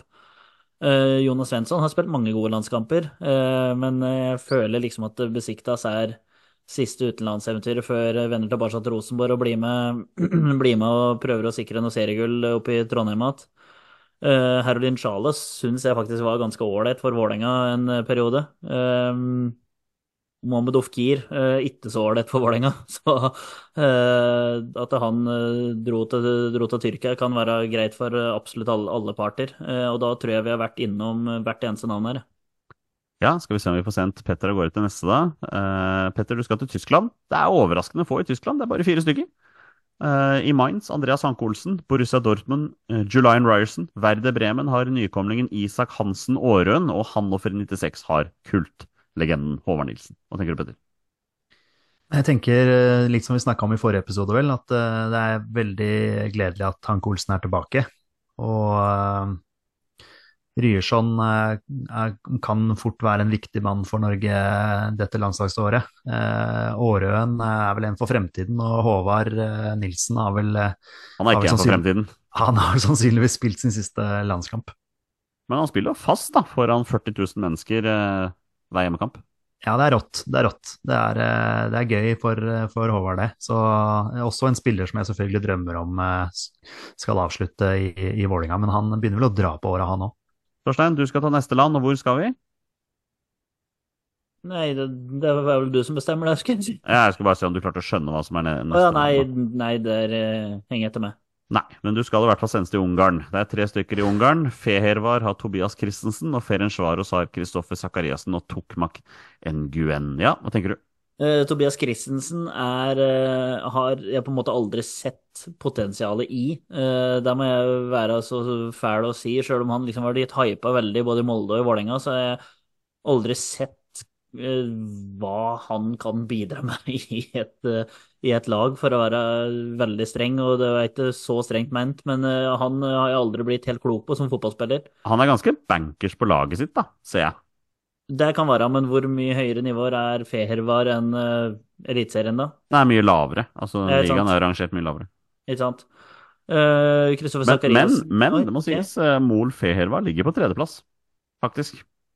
Ja, ja, bra. Bare så du veit det. ja, jeg holdt på å si bra for han, men det hørtes veldig, veldig kritikkverdig ut. Veldig hånlig. Eh, ja, det var ja, sånn en type jeg heter. Eh, men eh, Zakariassen leverte jo til de grader i Eliteserien, det vet, vet alle. Så det var morsomt å se han igjen i Eliteserien, om han fortsatt har den vanvittige løpskrafta si. Jeg har jo tenkt litt brann på han, jeg, da. Jeg tror det er litt bergensgutt og litt sånn der, men jeg har ikke latt seg, seg gjøre han det. Og Toki har Ja, han liker, han liker egentlig, men eh, det er vel noe prat på at han ikke skal fortsette i Ferencvaros. Eh, Det er vel noe kanskje videre eventyr han skal ut på, men eh, jeg har, det har jeg ikke forhørt meg om. Men ja, dette er Ferencvaros var jo mer i vinden når de var med og spilte mot Molde og i europacupkamper der, og så har du slokna litt det lyset, lyset nedi der. Vi sender Petter av gårde til USA, og det er vår siste stopp denne gangen. Der er elleve stykker. Atlanta United, Stian Gregersen. New York City FC, Birke Risa. Philadelphia Union, Jakob Glesnes. San Jose Earthquakes, Amal Pellegrino. St. Louis City har fått Thomas Totland. Switchbacks FC, Jonas Fjellberg. Detroit City, Skage Simonsen. Tre nordmenn i Orange County, Morten Bjørsol, Ryan Dogman og Markus Nakkim. Og One Knoxville SC har Sivert Haugli. Hva tenker du, Peder? Nei, det er jo noen uh, fine navn der, da. Jeg legger jo selvfølgelig merke til uh, Markus Nakkim og Ryan Dogman. Uh, Dogman fordi han spilte i Oppsal, og Nakkim fordi han spilte i Vålerenga, selvfølgelig. Og en spiller som jeg da han spilte i Vålerenga, mente at Vålinga burde satsa mer på. Men det er jo en annen sak. Eh, utenom det så er det jo gøy eh, å få Amal Pellegrino til USA, i hvert fall for deg da, Jonny, som, som følger den eh, ligaen tett. Det er vel egentlig du som burde, burde gått gjennom de spillerne her. Ja, han gikk jo til mitt lag òg, i USA. Så det er jo ekstra, ekstra morsomt. Jeg føler det morsomt at Thomas Totland har gått fra Hekken til St. Louis City, som var en stor overraskelse i debutsesongen sin nå. Snakker vi Earthquakes-drakt med Pellegrino bakpå, eller? Åh, det hadde vært innmari gøy. Eh, det står mellom han og Darren Huckaby. Har ikke du Eh, bursdag snart, blir. Jonny? Lukter det litt bursdag etter hvert, eh, herr Jonny? Jo, det stemmer det. Jeg vet at Greit. Ja, nei, men da er det bare, da er det bare nevnt. Så- Ja, ja. Jeg vet at men, ja, 50 av våre bestemenn kommer i bursdagen min, så det blir jo innmari hyggelig, hyggelig det, da. Jeg tok selvfølgelig feil. Siste post på programmet er til deg, Torstein. Vi har to stykker i Østerrike. Vi har fortsatt bare én, da, fordi Valen Berisha i Lasklins han spiller for Kosovo. Men Sidiata Storm Graz. Hva tenker du, Torstein? Jeg håper eh, han har eh, samme sang der som han hadde på eh, klanen hadde til den. Den likte jeg veldig godt.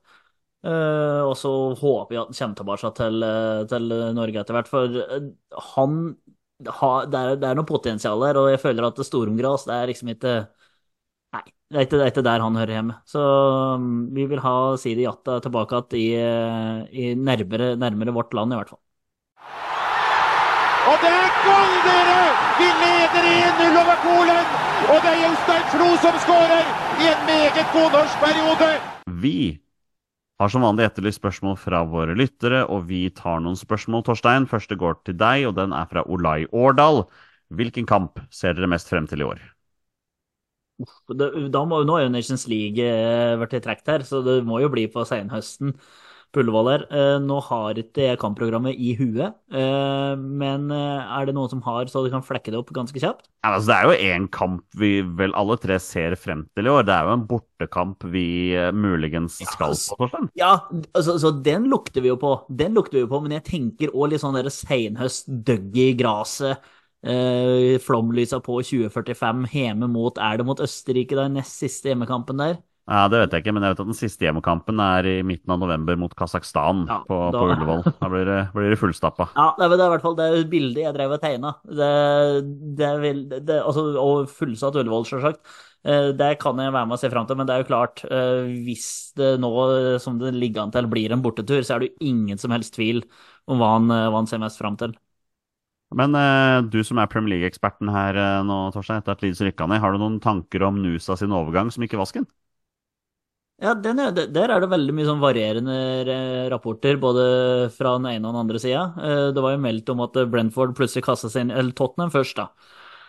Og så kasta Brentford seg inn i kampen eh, om eh, han, og så så det ut til å gå veien. Og så er det prat både her og der om at han feila medisinske sjekken pga. noe eh, trøbbel i kneet hans. Eh, så har vel norske landslagslegen sjekka Nusa, eh, som jeg, hvis jeg har forstått det riktig.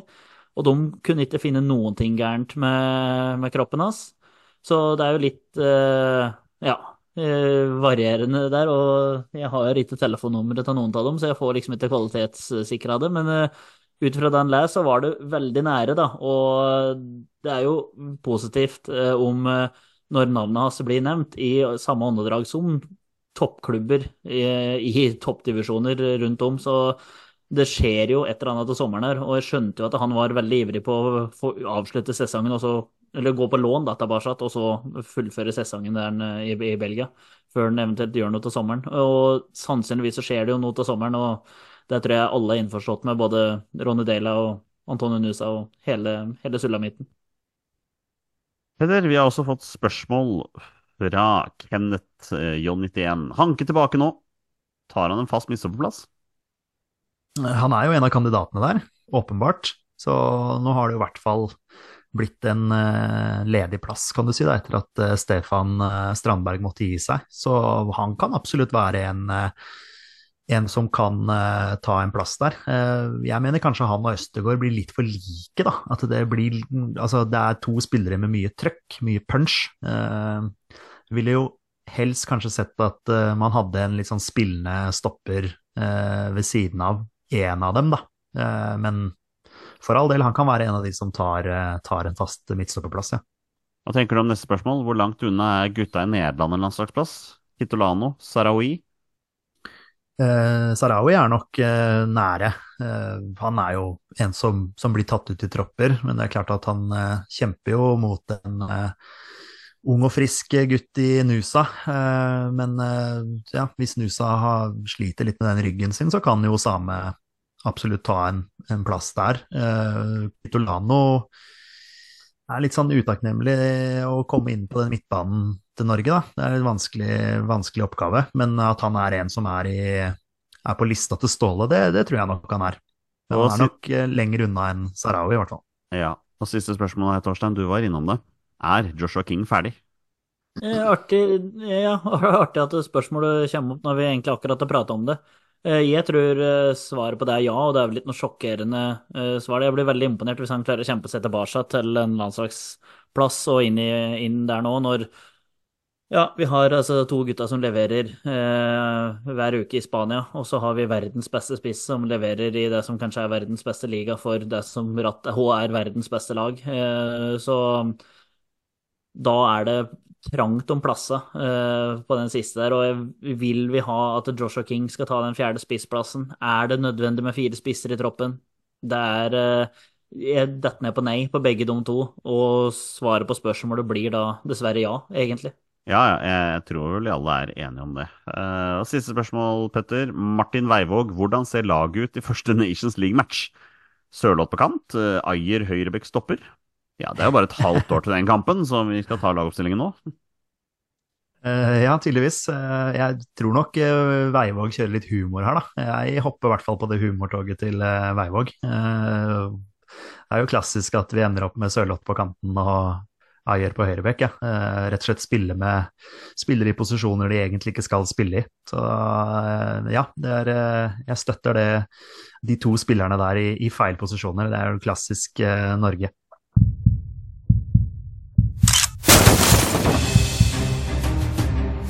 Er han nåværende landslagsspiller? Er han utenlandsproff? Er han fortsatt aktiv? Er han back? Har han spilt for Rosenborg?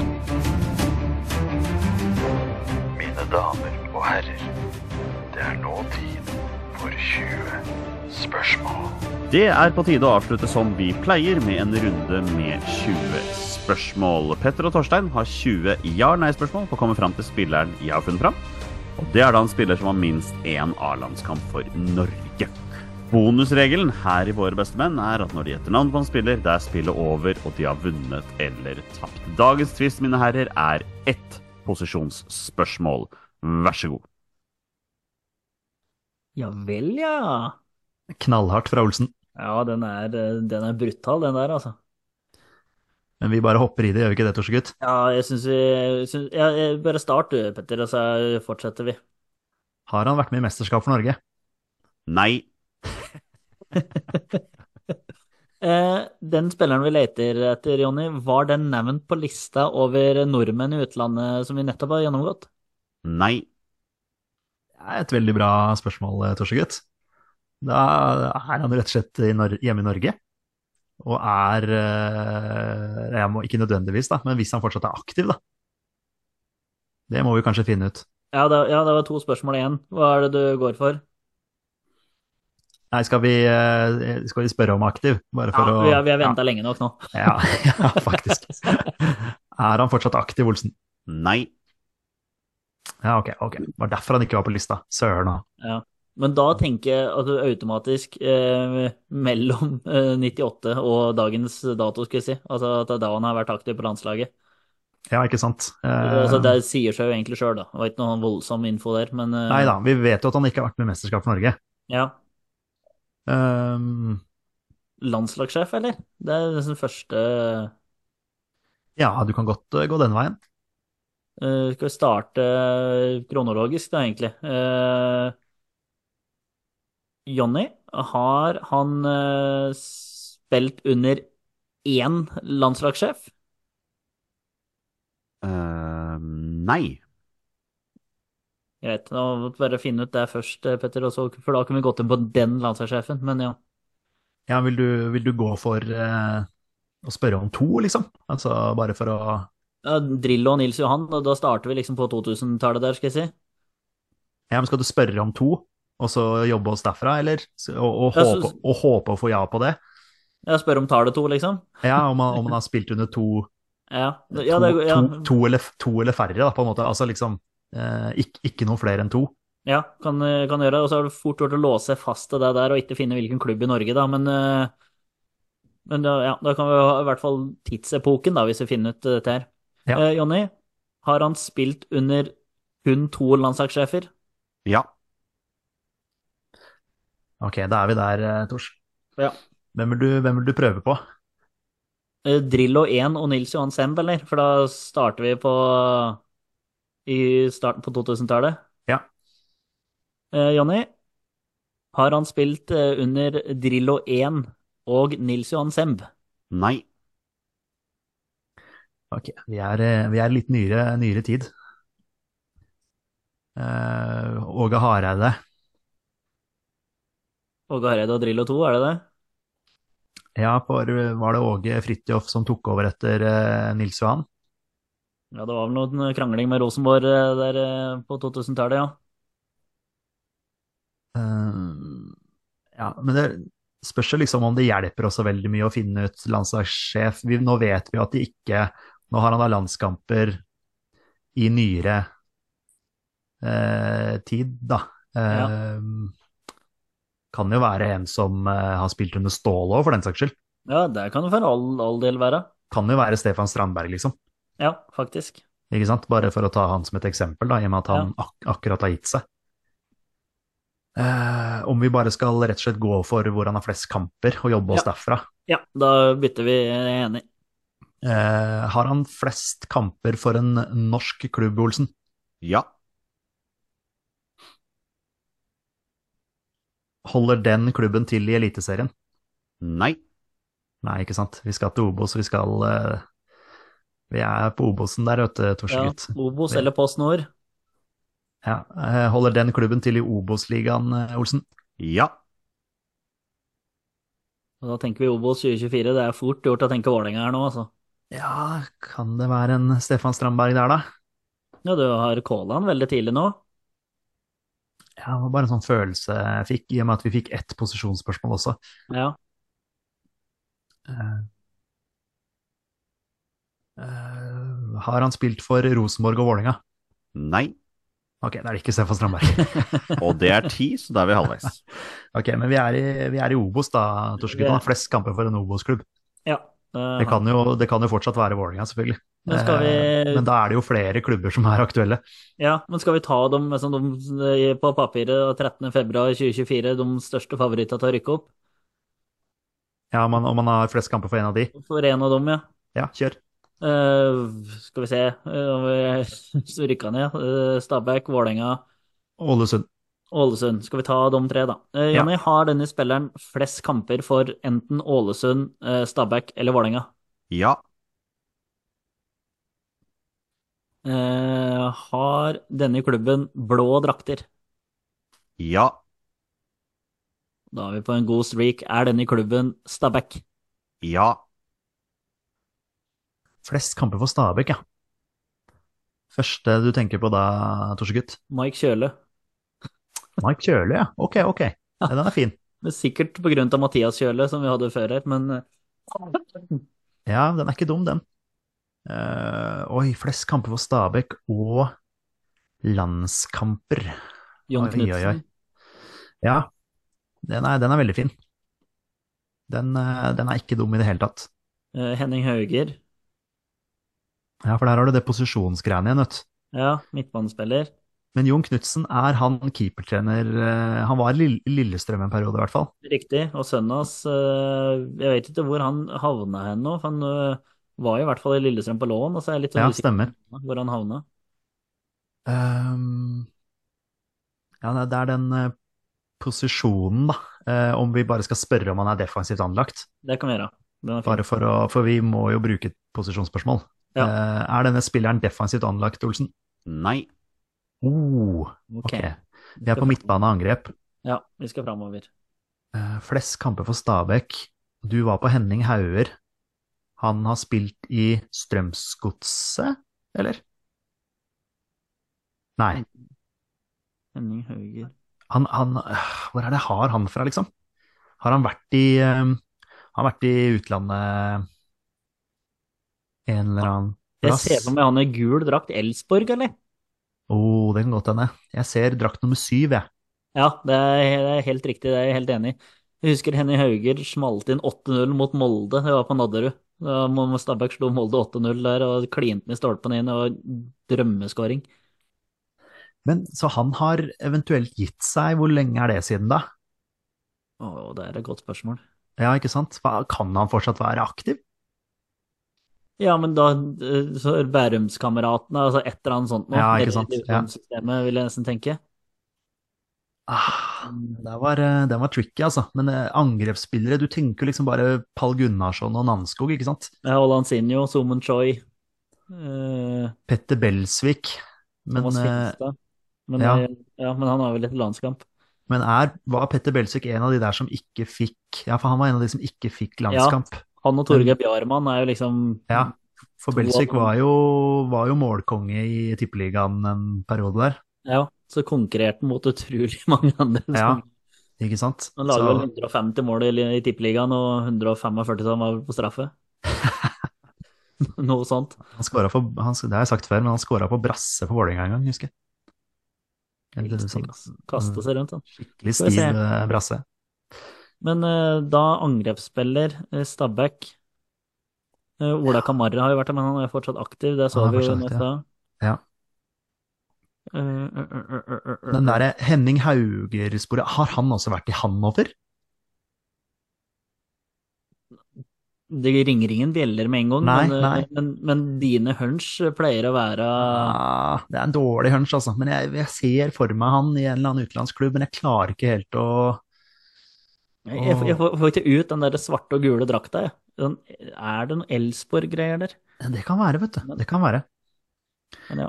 Men, men hadde vi visst konkret en annen klubb på han, så kunne vi jo utelukke han. Men jeg tror, strøm, men jeg tror Strømsgodset er ganske riktig her, altså.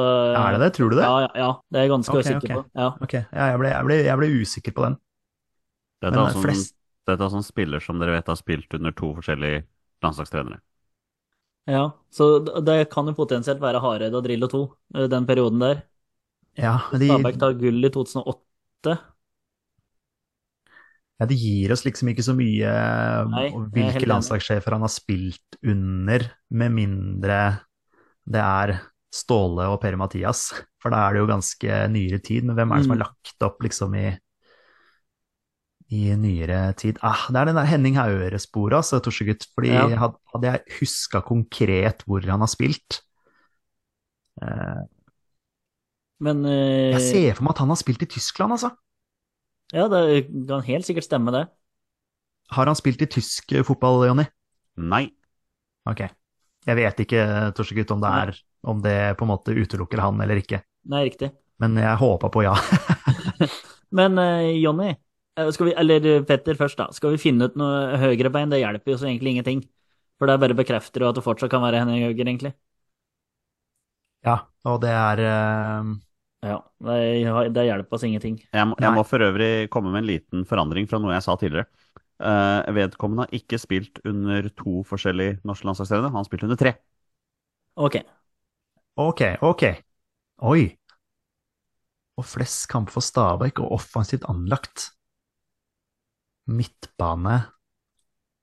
Angrep. Vi må vel mest tenke midtbane her, eller? Utenom at jeg skal avskrive oss noe som helst. For det er den gulltida der til Stabæk, så var det jo altså gutta som vi har nevnt. Men skal, men skal vi spørre om han tok seriegull med Stabæk i 2008? Det kan vi gjøre. Bare for å liksom Ja. eh, Tok han seriegull med Stabæk i 08? Nei. Oh, Ok. ok. Da detter jeg av Henning Hauger-sporet. Ja, var han i Stabæk da? Det er jeg ganske sikker på. Det er jeg ganske sikker på, altså. Jeg klarer ikke å se for meg Tre landslagssjefer. Ja, det må jo være en jævla bra spiller, da. Eh, Det må det jo være da. Tre landslagssjefer? Liksom, ja, hvor, hvor er vi igjen? Han hadde ikke spilt under Drillo og Semb. Nei. Og hvilke landslagssjefer er det vi har hatt? Åge, Ja, Per, Åge per Mathias og Drillo 2. Ja. For hvis han da har tre, så er det sannsynligvis Hareide, Drillo 2 og Per-Mathias. ja, det vil jeg si, for at eh, med, eh, med Lagerbäck og Solbakken så er jo Stabæk jojo-klubb opp og ned, og da er det ingen Ja, fordi altså, Ja, unnskyld, jeg glemte jo Lagerbäck der, men, eh, men eh, jeg tenker liksom på Ståle, om han har hatt med en eller annen som har lagt opp uh, Som er angrep slash midtbane under, under Ståle-tiden, liksom. Uh, ja, de, altså, det hjelper jo ikke så veldig mye å konkret få ja, eventuelt på Hareide, Drillo 2 og Per-Mathias. Jeg, tenk, jeg tenker at ikke det er noe dere skal bruke så mye tid på, jeg. Nei, ikke sant. Um, For det er nesten for sent, 16 spørsmål, det er nesten for sent å finne en annen vei her, sånn en uh... ja, vi var veldig på Henning Ja, Hauger-sporet, men veldig, veldig på det sporet der. for, vi kan fortsatt være der, men, men har han lagt opp, liksom? Altså, skal, vi høre, skal vi høre om det er spilt for Strømsgods uh... han derre der Tommy Svindal Larsen, liksom. Hadde han, uh, hadde han flest kamper for Stabæk? Ja, det, ja Stabæk og Odd. Men var Ja. han, var han en eller annen som ikke Men det var vel på 90-tallet, eller en som ikke ble med i mesterskap, og så Ja, altså og, ja, for Han hadde ikke landskamper under Drillo og Semb. Nei, og det er vel da Tommy Svindal Larsen pika. Ja, var det ikke det? Jo, det vil jeg nesten si. Det var egentlig bare for å tenke navn her. Ja. Ja, det var veldig fint å bare komme, komme med navn, og så kan vi bare utelukke dem, skal jeg si. Uh, ja, ikke sant. Men så er det det der å huske frontspillere i Stabæk utenom liksom Veigard Pall og Daniel Landskog og Christian Keller og Allan Sinjo, liksom. Det er liksom de navna som går igjen i huet mitt nå. Jan Banan Tømmernes har vel ikke nok kamper, og han eh, Hva han heter for noe, han ene Eirik Mykle, Myklegård Nei, Mek, hva han heter for noe, han eh, Ja, skåra et mål eller noe. Ja, Eirik Markegård? Markegård, ja. Erik Markegård. Markegård! Wow! Wow! Det det var tider. litt. Måtte Ja, det var litt, tider. Ja. Nei, nå, Eh, nå, sli, nå sliter vi, Torstein. Ja, vi gjør det. Vi sliter skikkelig, fordi jeg er helt enig med deg at det er vanskelig å utelukke det deres gullaget, eller altså det topplaget Stabæk var i 07. Men altså, for all del kan være 07. Jeg så Stab eller Henning Hauger hamre inn der, og så gikk han til Hanoffer, da. I det de tok i den gullsesongen. Altså, det kan hende det der. Ja, jeg, jeg ser i hvert fall for meg han i, i Tyskland, men, men og, så jeg tror egentlig vi kan utelukke han. Ja. Egentlig. Men jeg Ja. kan, ta, jeg kan ta feil, men at vi egentlig bare må, må bevege oss til en eller annen. ja, for vi har jo fått nei på Tyskland. Eh, Ja. Og jeg ser for meg han i Hannover, men det kan være at jeg tar veldig feil, altså. Men skal vi høre om Strømsgodset, ettersom vi begge har litt sånn trua på at den har vært der, hvis vi står helt fast? Ja, vi kan godt gjøre det, men uh, forventer nesten nei. Men det kan plutselig være en annen som har spilt i Strømsgods Ja, også. men vi har, ikke så mye annet, vi har ikke så mye annet å gå på nå, da. Eh, Jonny, har denne spilleren spilt i Strømsgodset? Nei. Nei, ikke sant. Fader, altså tre landslagssjefer. Flest kamper. Dere har tre spørsmål igjen. Ja. Siste spørsmålet må være navnet på en spiller. Åh, Ser, ser man for seg at det er en annen midtbanespiller? Mm, mm, mm, mm. Tre landslagssjefer. Martin Andresen. Sitter du og eh, googler nå, Torstein? Ja, nå sitter jeg og googler intenst.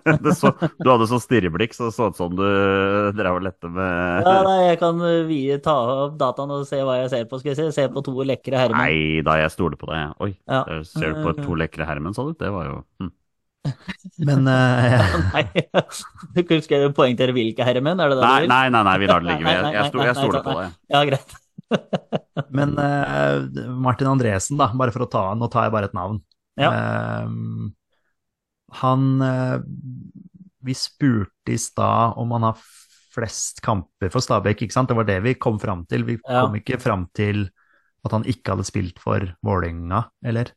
Åssen var det det Vi spurte om han har spilt for uh, Ålesund, Stabæk eller Vålerenga, og da var svaret ja. Og så gikk vi på Stabæk og Vålerenga. Ja, men Vi gikk for flest kamper, men har han potensielt flest kamper for Stabæk? Det kan hende han er én mer der, da. Altså, jeg tenker Bergen og Brann på han, jeg. Ja, det gjør egentlig jeg også. Han er jo et navn, da. Han er faktisk et navn, og hvis det er han som vi alltid nevner når vi får midtbanespillere ja, faktisk. skal ryke, og hvilke potensielle landslagssjefer er det han har spilt under? Han kan han Hareide. Ja, jo, men det, han eh, passer jo fint Drillo, Drillo, 2-0 kan han vel ha spilt under. Eh, og Men ikke Per-Mathias. For Per-Mathias kom i 2014 der. Eller 2013. Eh, nei, jeg, jeg får ikke det helt til å stemme heller, altså. Nei. Vi kan jo utelukke den veldig kjapt, men uh... Ja, det er lett å utelukke han. ja. Eh, Skal vi utelukke den? uh, ja, det er scora Leeds 3-0, forresten. Ja, det Eh, ja. Lekestue på Swansea her, ser jeg. Ja, det var voldsomt. Det er nesten litt for mye, vet du. Ehm, ja, det er lett å utelukke han, men så er det sånn Er det- er det litt sånn åpenbart at det ikke er han, på en måte? Hvis du skjønner? Ja. Vi kan, spille, vi kan spørre om han eh, har spilt for Brann og Vålerenga og Wimbledon, liksom. Gjør, gjør det. Ja, gjør det. Gjør det. Eller vært i. Spilte han noen gang for Wimbledon? Ja, han gjorde det. Ja. Har han vært i Brann, Vålerenga og Wimbledon? Ja. Hvilke tre landslagssjefer har han spilt under? Det er den, vet du. Oi, oi, oi. Oi, oi. Ja, der har vi jo Der har vi han. Der har vi den. Vi. det, vi måtte grave faktisk litt for Ja. lenge. Det ble for mye graving. Ja. Det er eh, Han kunne vi lett eh, fått til på færre spørsmål, ja. Ja. Ok, så det er rett og slett Martin Andresen, ja. Ja vel. Som, Som du sier, en spiller som vi alltid nevner. Ja. Eh, vi bare tar den, vi, Torstein, gjør vi ikke det? ja. Jo, vi bare tar den. Eh, Jonny, på spørsmål 19 eh, blir det vel. Eh, er det Martin Andresen? Gutter? Det er Martin Andresen. Helt riktig. Og det er som Torstein sier, det er spilleren dere alltid nevner, så jeg tenkte at nei, nå skulle jeg faktisk ta den. Ja, det er helt sjukt. At dere sitter her og har brukt 19 spørsmål på Martin Andresen. Det er jo Men dere begår jo en kardinalfeil, da, denne, denne runden her, som jeg merker preger dere veldig. Og det er jo dette her med landslagssjefene. Fordi dere spør meg jo da har han spilt for to landslagssjefer, og jeg svarte jo ja på det da. Så spør dere har han spilt under Drillo 1 og Nils Johan Semb. Svaret på det er nei. Nei, for han har han, spilt under Semb, vet han har spilt under Semb. Ja.